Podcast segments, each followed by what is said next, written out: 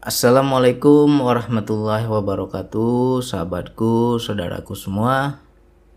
Semoga selalu dalam kesehatan dan dalam kasih sayang Allah. Amin ya Allah. Mudah-mudahan saudaraku, sahabatku yang selalu menyimak di channel ini selalu dimurahkan rezekinya. Amin ya Allah. Jadi ini ada pertanyaan bagus dari sahabat kita, tapi namanya saya saya samarkan ini ya. Assalamualaikum Bang Andi, bagaimana cara berakhlak yang baik menyikapi istri? Satu minggu saya kasih 400 ribu, tetapi istri nggak nerima, selalu marah-marah.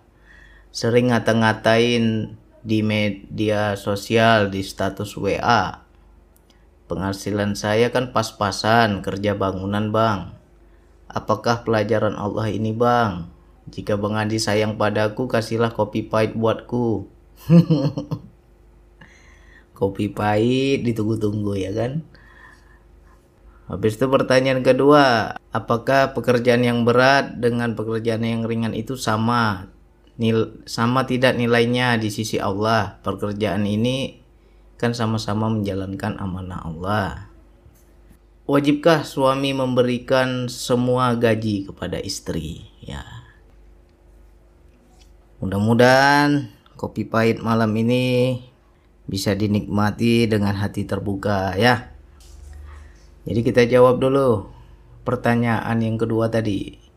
Apakah pekerjaan yang yang berat dan ringan itu sama tidak nilainya di sisi Allah? Ya sama.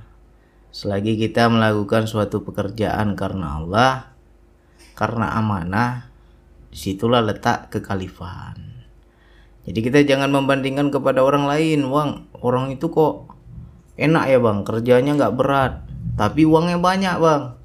Saya kerjanya berat, Bang. Tukang bangunan. Uang saya sedikit. Jadi kita nggak boleh lihat orang. Kita harus lihat apa kelebihan yang Allah berikan kepada kita. Mungkin orang yang kerjanya ringan itu ya dia pakai otak. Ya, pakai pikiran bukan pakai tenaga. Karena apa? Kelebihan yang Allah berikan di situ. Dia diberikan ilmu, diberikan pikiran, ah dengan pikirannya lah dia bekerja. Ada juga orang yang nggak diberikan Allah ilmu, pikiran. Istilahnya kerjanya nggak pakai otak tapi pakai otot, ya, pakai tenaga. Ya kita juga harus bersyukur karena itu kekalifahan yang Allah berikan kepada kita. Di situlah maha sempurnanya Allah. Allah berikan kelebihan masing-masing beda-beda. Ya, mungkin kita dari segi pikiran kurang, dari segi ilmu kurang, tapi kita diberikan kekuatan tenaga. Ya, makanya orang yang bekerja keras kan rata-rata tenaganya kuat. Seperti tukang bangunan, ya itu pakai tenaga dia. Ya jadi kita syukuri aja pemberian Allah itu. Jangan membandingkan dengan orang lain. Ya. Dan kita harus pahami kebahagiaan bukan karena banyak uang. Keberkahan kebahagiaan itu bukan terletak sedikit atau banyaknya. Ya. Biar sedikit kalau bersyukur ya situ sudah berkah. Ya. Mengenai istri nih. Nah ini para istri nah, simak baik-baik ini ya kalau keluar kopi pahit, mudah-mudahan sadar lah. Saya sudah kasih bang, seminggu 400 ribu. Berarti sebulan sejuta enam ratus ya. Nah, 4 kali 4, 16. Berarti dalam 4 minggu sebulan satu juta enam ratus. Istri marah bang, nggak terima. Suka ngeluh di status WA, di status Facebook, di mana-mana menyindir suami di media sosial ya kan? Banyak itu kejadian begitu kan? Itu adalah ciri-ciri istri yang tidak bersyukur ya. Nggak bagus itu seperti itu. Justru kita membuka aib suami kita sendiri. Itu berdosa ya. Ibarat kata suami itu selimut ya. Istri pakaian. Jangan kita suka memburuk-buruk kan? Ya jadi sikap yang benar bagaimana bang? Nah, ini untuk saudaraku yang bertanya, ya kita kaji lagi lah, telusuri lagi sumbernya. kejadian ini sudah saya alami, sudah saya rasakan, makanya saya paham rasanya. Ya, biasanya istri yang suka marah-marah, nggak cukup, merasa nggak cukup. Kok segini sih ngasihnya? Ini dapat apa segini? Nggak cukup kita kehidupan kita. Dengan uang yang kamu kasih ini sedikit sekali, marah istri kan? Itu biasanya adalah bisa dibilang apa ya? Hukuman juga dari Allah. Biasanya seperti itu istri-istri yang kita manjakan dengan uang. Ya, nggak mungkin dia mengeluh kalau dia sudah terbiasa nggak punya uang. Pasti sebelum-sebelumnya dia terbiasa punya uang. Begitu nggak punya uang dia marah dia ngeluh. Itu kenapa terjadi? Karena kita yang memanjakannya dengan uang. Itulah menjadi bumerang bagi diri kita sendiri. Jadi satu, ketika kita mendapati istri yang selalu nggak bersyukur, selalu mengeluh tentang kekurangan uang, padahal dia udah tahu gaji kita nggak seberapa, tapi dia ngeluh terus, marah terus sama kita. Itu sebagai hukuman Allah sebenarnya untuk menghukum diri kita. Karena dahulu ketika kita diberikan kemampuan oleh Allah, diberikan kelebihan oleh Allah, kita menganggap kitalah yang membahagiakan istri. Kitalah yang merasa kita yang berusaha mencari uang. Tapi nggak pernah kita akui bahwa semua ini berkat rahmat Allah. Ya. Akhirnya apa? Dengan uang itulah kita diajar. Dahulu ada kita manjakan, suka-suka ya. Apa maunya kita turuti, apa maunya kita iakan. Teringat saya zaman dulu. Ya. Kalau saya sudah pulang belayar, uang banyak, pergi ke mall, ah. Kalau sudah lihat baju yang dipatung itu di mall itu, ah, bungkus. Nah, bang, maulah bang baju yang dipatung itu bang, bungkus. Macam betul aja kita dulu. Ya, saya udah rasakan. Begitu disempitkan rezeki kita, istri bilang, bang mau yang dipatung, sesak dada kita. Sesak napas kita karena gak ada uang. Ya. Akhirnya apa? Istri ngomel. Ya saya udah rasakan dulu. Kok saya nggak sanggup hidup susah begini. Saya nggak sanggup tiap hari ngutang-ngutang. Saya nggak sanggup tiap hari kekurangan. Saya masih banyak keinginan nggak nggak terpenuhi. Akhirnya ngomel terus tentang uang. Nah, bagi orang-orang yang bisa sadar diri. Ya Allah, dulu engkau yang lapangkan rezekiku, sekarang engkau yang sempitkan rezekiku. Aku mau berontak bagaimana lagi ya Allah. Bukannya aku nggak mau menyenangi istriku, bukan aku nggak mau memenuhi keinginan istriku, tapi memang engkau yang nggak memberikan kemampuan padaku ya Allah. Ngadu begitu kepada Allah. Ya, lalu apa Allah jawab? Dijawab itu.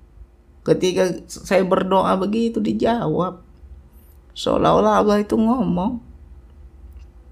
Jadi kalau istrimu nggak menerima karena engkau yang manjakan selama ini. Ya. Yang kau pahami engkau bisa membahagiakannya dengan uang. Tetapi tak pernah kau ajarkan dia bersyukur. Nah ketika sekarang dia nggak punya uang, dia tidak bersyukur ya. Kau rasakan sendiri omelannya tiap hari. Kau rasakan sendiri cerewetnya tiap hari. Ya, andai kata lah ya, kita dari baru menikah, gaji bang seminggu cuma 400 ribu bang. Begitu kita kenal seorang gadis, kita menikah, memang udah segitu. Apa? Kehidupan kita nggak mungkin dia berontak. Biasanya yang berontak itu karena terbiasa punya uang. Ya. Apakah salah bang? Saya punya uang, saya senangkan istri saya dengan uang. Salah nggak bang? Ya nggak salah. Tetapi kamu harus juga mendidik istrimu. Jangan bergantung sama uang. Ya. Itu satu salah kita. Karena kita yang memanjakannya dengan uang. Ketika nggak ada uang, kita yang diajarnya. Ya. Jadi seharusnya kita banyak sabar, banyak insaf, banyak sadar. Ya. Mohon ampun dulu kepada Allah. Ya Allah, ampunkan salahku ya Allah. Gak pernah ku didik istriku dengan agama ya Allah, hanya dengan uangku senangi hidupnya. Kalau begitu, insya Allah Allah angkat itu kesusahan kita. Yang penting sadar dulu, ya. Nah, yang kedua, wajibkah suami mem, apa? Yang ketiga ya, wajibkah seorang suami memberikan semua gaji kepada istrinya? Nggak wajib. Tergantung istrinya yang bagaimana dulu. Kalau istrinya pemboros, kita kasih 10 juta, 20 juta, 50 juta juga habis. Ya. Jadi kita lihat dulu antara kita dan istri siapa yang bisa memanage keuangan. Kalau istri kita pemboros, jangan kasih. Ya, nanti suatu saat nggak ada uang, habis, hancur kita, nggak ada tabungan. Ya, kecuali istri bisa nabung, istri hemat, kita yang boros. Ah, sama istri semua. Paling kita pakai seperlunya. Karena kalau sama kita habis, nggak bisa tertabung. Ya, salah satu tuh ada tuh. Entah istrinya yang boros, atau suaminya yang boros, atau kebalikannya. Ya, suaminya yang bisa nyimpan uang, atau istrinya yang bisa nyimpan uang. Ya, kita kenalilah satu sama lain. Kira-kira siapa yang bisa menabung? Ah, kasih. Ini kalau udah istrinya pemboros, kita kasih semua hancur kita. Ya. Nah kita juga harus pahami banyak terjadi pertengkaran rumah tangga itu soal uang ini sering. Kalau perempuan itu miliknya suami. Jadi orang tua tuh jangan ikut campur ya. Kita sebagai orang tua kalau punya anak perempuan jangan ikut campur urusan keluarga anak. Sepenuhnya itu milik suaminya. Ya. Nah, kalau anak laki-laki itu masih milik ibunya. Kita harus paham. Seorang anak laki-laki selagi ibunya masih hidup, itu milik ibunya. Jadi kalau kita para suami memberikan sedikit uang untuk ibu kita, para istri jangan marah. Gak boleh marah. Ya, Nah, coba tuh dicek dan dicek lagi. Kenapa rezeki sempit, Bang? Bisa jadi engkau menelantarkan ibumu. Tapi istrimu kau bahagiakan setengah mati. Apa keinginannya kau penuhi, kau, kau patuhi, kau iakan. Tapi ibumu minta sedikit uang, kau berat. Ya, ah, orang-orang yang seperti ini akan sempit rezekinya. Gak ada keberkahan. Ya, Gak ada orang yang memberikan uang pada ibunya dia akan miskin tuh gak ada. Ya. Jadi kalau ada susah rezeki kita, sempit rezeki kita, tanya lagi. Ya. Bisa jadi orang tua kita telantarkan, orang tua kita nggak ingat. Ibu kita sendiri takut kita mau kasih uang, lebih takut kita pada istri daripada ibu kita. Ya.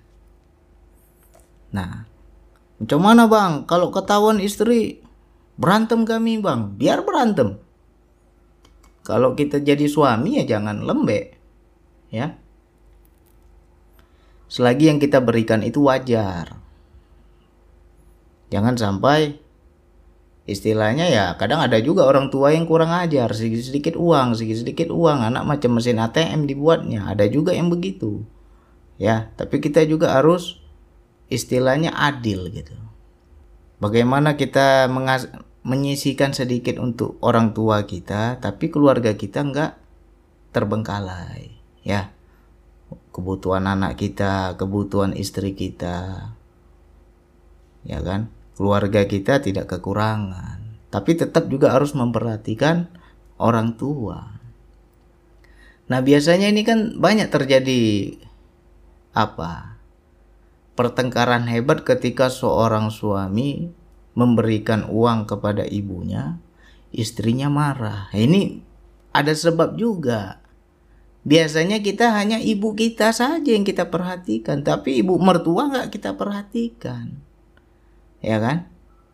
Atau kita punya adik-adik yang susah, adik-adik kita aja yang kita tolong, tapi adik-adik dari istri kita nggak pedulikan. Nah ini kalau sudah tidak adil, di situ nggak bagus juga. Makanya ketika kita berbuat kebaikan, kenapa jadi bertengkar? Kan baik itu. Bang, saya yang saya tolong adik saya bang lagi susah. Ketika ketahuan istri jadi bertengkar. Kenapa? Sesuatu perbuatan baik kok jadi bertengkar. Berarti kan nggak berkat. Ya. Karena apa? Kita tidak ada keadilan. Jadi Islam itu harus adil. Kalau udah nggak adil ya udah nggak beres itu. Pasti ribut. Ya. Jadi kita komitmen sesusah-susah apa pun coba perhatikan orang tua. Ya. Misalkan kita setiap bulan memberikan ibu kita 200 atau 300 ribu. Berikan juga mertua 200 atau 300 ribu sebulan. Adil kan? Insya Allah itu berkah. Rezeki itu terbuka lebar. Ya. Nah, jangan hanya istri aja yang kita senangi. Mau ini, mau itu, ah beli. Mau ini, mau itu, beli. Orang tua di kampung nggak pernah kita perhatikan. Murka Allah. Akhirnya apa? Sempit rezekimu.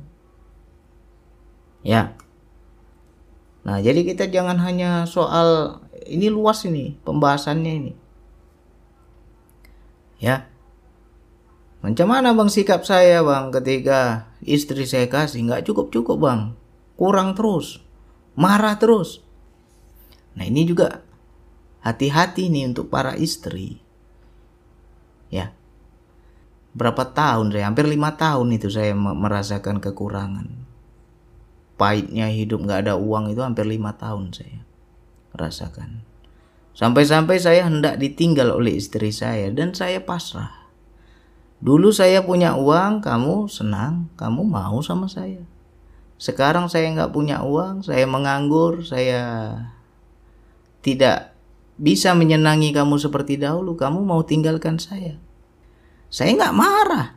Saya bilang siap. Saya doakan kamu, saya bilang. Kalau kamu mencari kesenangan, kebahagiaan hanya uang, saya doakan bisa kita baik-baik. Ya, kita bisa baik-baik, saya doakan kamu dapat yang kaya. Kamu dapat yang lebih hebat daripada saya. Sehingga semua kebutuhanmu terpenuhi.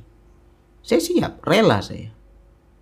Langsung bersujud itu istri di kaki saya minta maaf. Ya, ketika kita pasrah itu Allah rubah hatinya. Yang dahulunya nggak siap, nggak punya uang, sekarang sabar dia nggak punya uang. Ya, begitulah kita jadi laki-laki harus harus inilah jangan lembek lah ya. Jangan lembek kita. Kalau kira-kira nggak bisa hidup susah ya tinggal. Nanti Allah ganti lagi yang baru. Yang penting kita sudah maksimal kita sudah berusaha sekuat tenaga ya. Saya gitu. Kalau nggak siap sama saya ya sudah Insya Allah Allah ganti yang lebih bagus, yang lebih sabar saya bilang. Berubah istri saya. Ya. Lalu apa yang terjadi? Hilang itu. Ngeluhnya hilang. Marahnya hilang. Ya. Apalagi dongkolnya hilang. Akhirnya apa? Dia bantu saya. Di saat saya terpuruk, istri saya bantu saya. Seperti apa cara dia membantu saya? Jualan es lilin. Coba hari gini jualan es lilin berapa lo untungnya itu? Tapi begitulah. Luar biasanya Allah merubah hatinya itu. Ya dia pergi ke pasar dia beli itu kerupuk makaroni itu dia goreng dia taruh di kedai-kedai biar sebagai jajanan anak-anak. Dia buat es lilin dia taruh di kedai untuk jajanan anak-anak. Begitulah cara dia membantu saya Ya. Ketika di situ dia sudah menerima ya. Sudah menerima, sudah nggak ngeluh lagi, sudah ridho dengan ketetapan Allah. Allah buka rezeki pelan-pelan. Ya kan? Dibukakan Allah itu pelan-pelan. Lalu saya bilang, saya juga mohon maaf kalau dahulu kurang memperhatikan orang tua. Mungkin yang saya perhatikan hanya orang tua saya, orang tuamu saya nggak perhatikan. Nah mulai saat ini sama-sama lah kita hemat-hemat. Kita sisihkan sedikit untuk orang tua kita tiap bulan. Akhirnya tiap bulan itu saya sisihkan orang tua saya sekian, orang tua dia sekian. Dan di situ pintu rezeki terbuka lagi. Ya. Terbuka lagi pintu rezeki itu. Kalau dahulu marah, ya wajar dia marah kalau kita kirim orang tua karena orang tua kita aja orang tua dia kita nggak perhatikan. Wajar kalau dia marah. Ya kan? Nah jadi untuk siapa pun yang mengalami hal ini hati-hati. Penyebab sempitnya rezeki itu banyak. Yang terutama adalah tidak bersyukur ya jadi jangan salahkan suami kita. Kenapa ya bang? Suami orang lain banyak uangnya. Enak hidupnya, enak kerjanya bang. Rezekinya banyak bang. Tapi suamiku begini-gini aja gajinya bang. Bisa jadi engkau nggak pernah bersyukur. Suamimu bawa duit sedikit kau ngeluh. Bawa duit sedikit kau marah. Ketika engkau tidak bersyukur, Di situlah Allah tambah sempitkan rezeki suamimu. Sebagai apa? Hukuman untuk dirimu. Allah bilang apa? Apabila engkau bersyukur, akan kutambahkan nikmatmu. Tapi kalau engkau kufur, azabku amat pedih. Ya. Nah, jadi ketika disempitkan rezeki suami kita itu hukuman untuk kita, azab untuk kita. Ya hati-hati nih. Jadi kita nggak bisa menyalahkan suami semua dan nggak bisa juga menyalahkan istri semua. Ya, suami sudah mati-matian cari uang, gajinya nggak seberapa. Sudah pulang dia capek kerja, istri muka petak lagi ya kan, nggak ada senyum. Wah, udah malam tidur kita dipantatin pula kita tidur, ya kan? Hilang harga diri suami ketika nggak ada uang hati-hati murka Allah nanti. Ya tambah sempit rezeki seperti itu. Yang kedua kita hanya menyenangi istri. Orang tua kita nggak pernah perhatikan. Itu juga sempit rezeki. Ya jangan kalian enak aja. So istri aja yang kalian senangi orang tua kalian nggak ingat. Nggak ada orang yang jatuh miskin ketika dia memberikan sedikit uang untuk orang tua ya. Dan bagi para istri harus paham, suami kita itu milik ibunya. Ya, milik mertua kita. Jadi kalau mamanya minta, ibunya minta, jangan marah. Selagi ibunya masih hidup, suami kita itu masih milik dia. Ya. Gak ada yang miskin lah kalau orang bantu orang tua. Nah, ini yang kita selama ini nggak paham. Mungkin mertua kita nggak bagus sama kita. Mertua kita nggak baik sama kita. Kita benci, kita dendam, kita marah. Akhirnya apa? Kita larang suami kita mengirim uang. Hati-hati. Sempit rezekimu nanti. Susah hidupmu nanti. Ya. Nah, jadi itu perhatikan itu. Jangan kita hanya menyalahkan orang lain ini, tapi lihat dulu kesalahan diri kita. Bagi para suami kalau punya istri seperti itu ya jangan salahkan istrimu. Salahkan dulu dirimu. Kenapa memanjakannya dengan uang? Ya, saya udah rasa loh. Dahulu gaji belasan juta, masih kerja kapal. Belum lagi uang-uang lain ya kan? Bisa puluhan juta itu. Apa maunya ikutin, bungkus saya bilang. Macam betul ya. Nah besok-besok bang itu bungkus bang katanya. Nggak sesak dada saya. Nggak bisa jawab saya. Hah? nah ketika istri nggak siap istri down istri kaget batinnya ya kan? Nggak biasa punya uang sedikit. Biasa uang banyak nih. Ketika uangnya sedikit kaget dia. Marah dia. Ngomel dia. Nah jangan marah kita. Itu hukuman Allah untuk dirimu. Ya, sadari dulu salahmu di hadapan Allah. Ya. Yang kedua, jangan kita mencari kesalahan di luar. Terkadang ketika rezeki sempit tuh istri nyalain suami. Suami nyalain istri. Ya, itu namanya cari kesalahan di luar. Tapi coba kita introspeksi lagi lah. Ya. Nah biasanya seperti itu si istri keenaan. Kita uang banyak nih, semua kita senangi. Apa keinginannya terpenuhi, keenaan. Dia menganggap besok ada lagi, besok ada lagi. Ah, suatu saat Allah buat tak ada duit, dia tak ada nabung. Nah, di situlah berontak dia sama suaminya, ngeluh dia sama suaminya, marah-marah. Nah ini juga salah kita sebagai suami. Kenapa memberikan uang semuanya kepada istri? Sudah tahu istrimu boros. Ya. Makanya kita harus pahami itu. Emang wilayah ini nggak akan paham kalau belum merasakan. Saya udah rasa makanya saya ngerti kali. Nah sekarang lebih manage lagi. Kita lihat. Oh istriku bisa pegang uang, aku nggak bisa. Kalau sama aku habis uang ini. Ah udahlah, biar dia yang simpan. Kasih semua atau kebalikannya, oh istriku pemboros bang, nggak bisa dia simpan uang. Semua yang ku kasih nggak cukup. Ya jangan kau kasih semua, simpan. Pandai-pandai kita tabung. Ya, jangan sampai kita terlalu takut sama istri. Kalau istri yang bagus itu dia akan mengerti keadaan suami dan dia akan membantu suami. Itu istri yang bagus. Makanya kalau kita menikah pilih jodoh itu jangan cari cantiknya, lihat dulu akhlaknya. Ya, terkadang kita tertipu oleh cantiknya.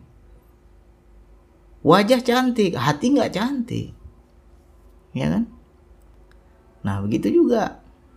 Ketika kita mendapat istri yang jelek, nggak cantik bang istriku bang, jelek bang. Ya kok jangan mengeluh. Bisa jadi itu kebaikan untuk dirimu. Apalagi istrinya nggak suka makeup ya kan? Banyak itu para suami ngeluh istriku ini nggak pandai rawat badan bang. Nggak pandai rawat diri. Nggak pernah dia bermakeup. Ya wajar. Allah maha tahu gajimu nggak seberapa makanya Allah kasih jodoh yang seperti itu. Coba kau dikasih jodoh yang luar biasa makeupnya. Nggak sanggup kau beli makeupnya itu. Ya. Jadi jangan ngeluh kalau istri nggak suka dandan itu kebaikan untuk kita. Karena Allah maha tahu gaji kita nggak seberapa kok. Masa habis untuk lipstick aja. Ya kan? Nah, banyak kebaikan yang kita nggak pernah baca, nggak pernah lihat. Ya. Nah, jadi kita pahami dulu. Jangan saling menyalahkan. Apa ya bang? Sebab rezekiku sempit bang. Ya. Jadi bukan soal jumlah sedikit atau banyak. Banyak orang gajinya sedikit. Ya, tapi hidupnya tentram, rumah tangganya damai. Anak-anaknya pintar-pintar, anak-anaknya santun, soleh-soleh anaknya. Itulah keberkahan. Ya. Uang banyak, anak nggak beres. Apa gunanya? Uang banyak, istri nggak beres. Apa gunanya uang banyak? Jadi kita jangan hanya lihat dari uang. Ya. Jadi pelajari lagi penyebab seret rezeki kita. Yang terutama dua tadi itu. Tiga, tiga poin itu. Jangan manjakan istrimu dengan uang. Satu. Yang kedua, jangan memberikan uang semuanya kepada istrimu kalau istrimu boros. Ya. Yang ketiga, perhatikan orang tuamu. Ya. Perhatikan orang tua. Itu yang nomor tiga ini sangat jarang orang paham. Ya. Istrinya dia kasih senang, apa maunya semua dikasih. Giliran orang tua minta 100-200 takut kita. Laki-laki macam apa itu? Yang cari uang kita. Tuh orang tua kok takut. Ya, apalagi kita sudah nggak adil tuh sama orang tua kita nggak adil sama istri nggak adil hati-hati. Murka Allah itu. Ya. Jadi bagaimana bang? Biar adil aman damai. Adil lah kamu. Ngomong hati ke hati sama istri. Ya. Ayo bantu saya. Kalau saya nggak cukup nih gaji saya saya udah mati-matian ini. Kamu bantu saya lah. Jualan lah kecil-kecilan di rumah. Ya Macam istri saya itu jualan es lilin itu. Ya, begitulah dia bantu saya ketika saya terpuruk. Nah, memang awal-awal ngeluh. Tapi ketika kita sadar letak salah kita, aku mohon ampun ya Allah, aku salah ya Allah. Aku hanya senangi dia dengan uang ya Allah. Gak pernah aku didik dengan agama. Aku mohon ampun ya Allah. Allah rubah istri saya. Yang dahulunya gak cukup-cukup, ya sekarang cukup.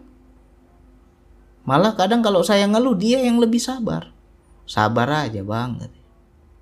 Ya kan? Berubah kali memang. Yang penting kita dulu baik. Ya.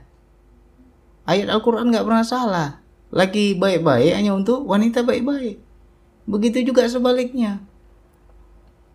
Ya kan? Kenapa ya bang biniku nggak pernah bersyukur bang? Ya kamu salah juga berarti. Ada salahmu. Cuma nggak paham. Makanya dapat wanita begitu. Ya kan? Jadi jangan lagi kita lihat salah di luar. Sama-sama introspeksi lah. Ini kalau bisa didengarkan ini. Kalau ada suaminya yang nggak adil lah, dengarkan ini. Kalau ada istrinya nggak bersyukur, dengarkan ini. Mudah-mudahan sadar. Ya, saya belajar dari pengalaman. Makanya paham kali saya letaknya ini. Ya kan?